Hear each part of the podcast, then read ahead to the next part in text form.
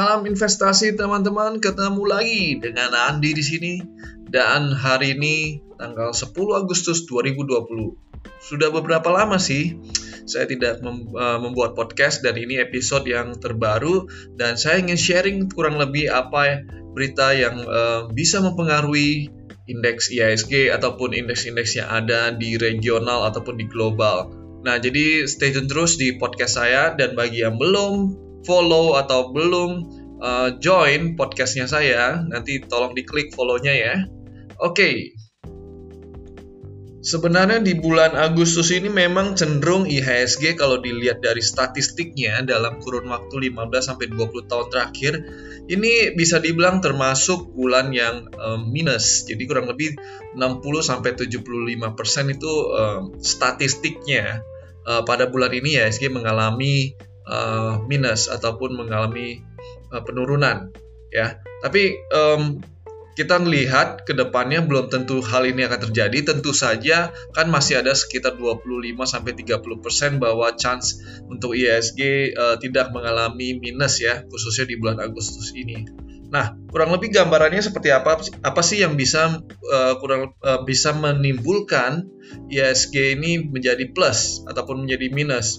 Nah, kalau menurut saya yang pertama ini uh, teman-teman sudah ketahui bahwa uh, data mengenai ekonomi Indonesia sudah keluar ya kita jauh uh, lebih parah dari uh, GDP-nya kita jauh lebih parah yaitu minus 5,3 dan um, dibandingkan proyeksinya ya tapi so far market nggak menganggap ini terlalu hal yang penting. Jadi kita bisa melihat bahwa um, IHSG masih resilient ataupun tangguh terhadap berita reses, uh, potensi resesi yang ada ke depan ini ya di kuartal kedua. Karena kita lihat kalau Amerika, Prancis, Jerman, Singapura, uh, bahkan negara-negara seperti Hong Kong dan uh, Jepang sudah mengalami resesi.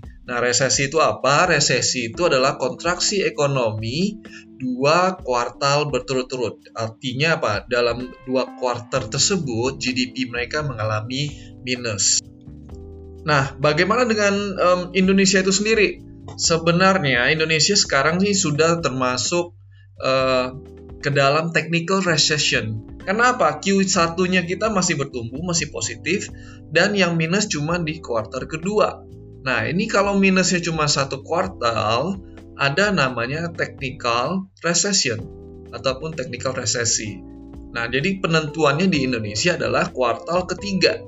Nah, ini sebenarnya hal yang menarik juga karena kenapa ISG sejauh ini year to date uh, sam, uh, se, se, selama podcast ini saya rekam ini minusnya 18% teman-teman ya cukup oke okay, dan LQ45 minusnya 20 persenan jadi kurang lebih uh, beda satu setengah sampai dua persen.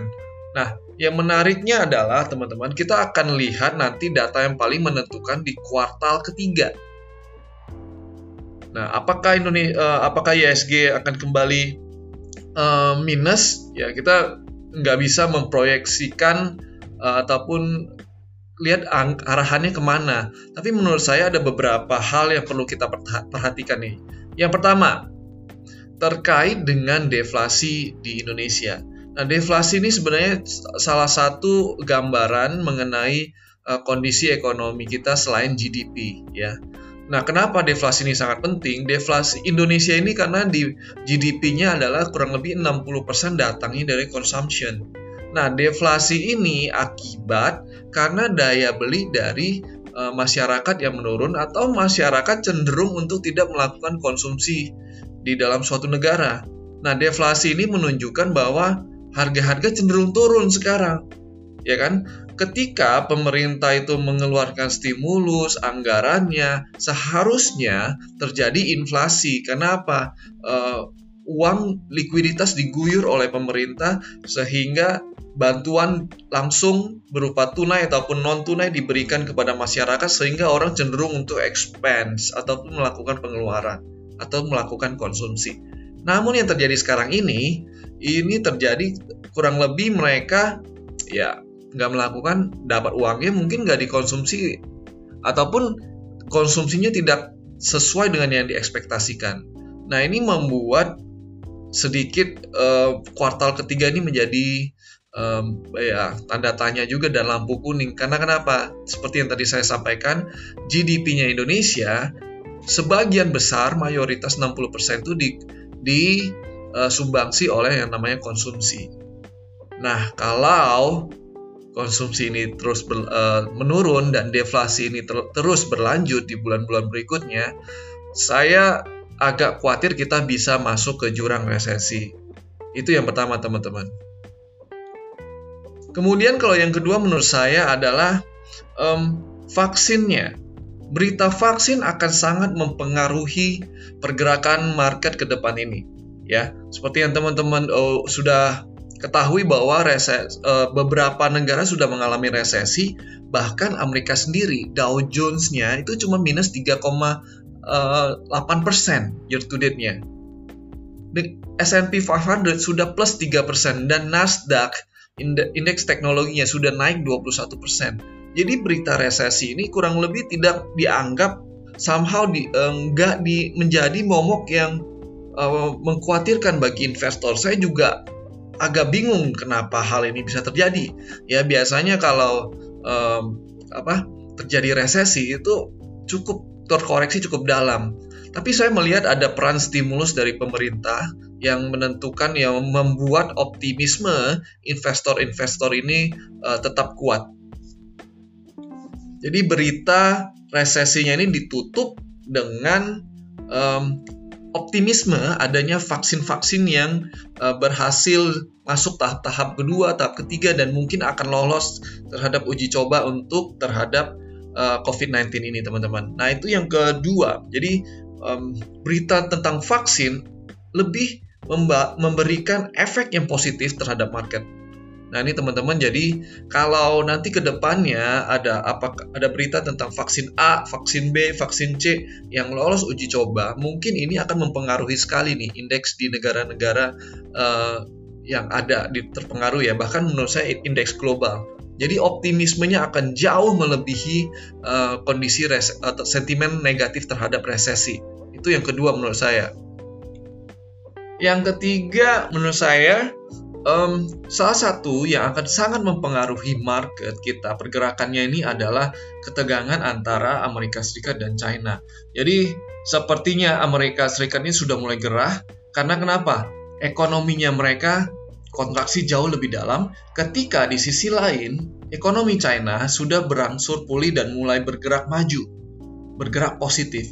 Nah, menurut saya ini bukan sekedar uh, sentimen iri atau enggak, karena apa? In, uh, Amerika ini sebagai salah uh, ter, ekonomi yang terbesar di dunia sekarang ditantang oleh negara China itu sendiri.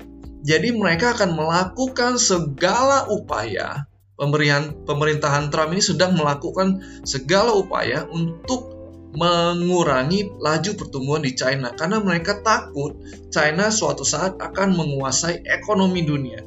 Dan itu yang dia lakukan. Dia mengeluarkan stimulus dalam jumlah besar dan ke depannya ini mungkin uh, akan ada stimulus yang lain yang bisa uh, dikeluarkan oleh pemerintah ataupun Presiden Trump. Ini purely untuk menggerakkan ekonomi Amerika itu sendiri. Karena apa? Kita tahu COVID-19 case-nya di Amerika sejauh ini terus bertambah dan di sisi lain di China sudah sangat minimal. Nah, COVID-19 ini memang sangat mengganggu. Jadi mau nggak mau pemerintah Trump melakukan uh, ban terhadap um, teknologi-teknologi China, mengeluarkan kebijakan-kebijakan yang anti terhadap perusahaan-perusahaan yang di China dan melakukan segala hal untuk mengurangi pertumbuhan di sana. Nah, ketegangan ini tentunya akan memberikan sentimen yang negatif terhadap pasar. Dan kita tahu juga nanti di bulan November bahwa Amerika Serikat akan melakukan uh, pemilu. Menurut saya, siapa pun presidennya, mereka akan melakukan hal yang sama. Karena dari dulu mereka sudah menganggap bahwa China ini sebagai lawan ataupun pertumbuhan yang sangat bisa mengancam perekonomian Amerika Serikat. Karena apa? Bisa menguasai perekonomian dunia. Jadi tiga hal itu yang teman-teman yang menurut saya ke depan ini akan sangat mempengaruhi market. Yang pertama, kesimpulannya adalah deflasi di Indonesia, khususnya di Indonesia Indonesia ya. Kedua, vaksin. Vaksin ini akan memberikan uh, sentimen yang positif terhadap market, walaupun berita-berita deflasi, resesi ekonomi cenderung akan ditutup dengan berita vaksin yang lebih positif ini. Dan yang ketiga, ketegangan US dan China. Nah, ini akan menjadi momok kita di tahun ini dan tahun depan. Dan ini yang harus kita perhatikan. Lanjutan dari trade war menurut saya akan masuk ke dalam babak yang baru ya teman-teman. Jadi tiga hal ini mungkin yang akan sangat mempengaruhi market ke depannya ini. Jadi teman-teman, saran saya adalah kita bisa tetap membagi portofolio kita ke berbagai aset kelas karena volatilitas ke depan memang masih cukup besar. Dan khususnya di Indonesia eh, teman-teman bisa melakukan eh, investasi beberapa aset kelas ya. Contohnya dibagi ke dalam obligasi pasar uang ataupun saham. Jadi jangan semuanya di saham jangan semuanya juga uh, tidak diinvestasikan. Jadi cash is king ya ya nggak nggak juga. Karena teman-teman sekarang kita bisa melihat bahwa market sudah koreksi cukup lumayan lah ya minus 20 persenan ya lumayan diskon jadi teman-teman kalau untuk investasi jangka panjang investasi masih menarik di Indonesia Oke, itu aja yang ingin saya sharing teman-teman hari ini. Jadi um, semoga informasi ini sangat membantu kita semua dan ke depannya uh, tetap nantikan podcast podcast podcast saya selanjutnya. Saya Andi undur diri. Bye.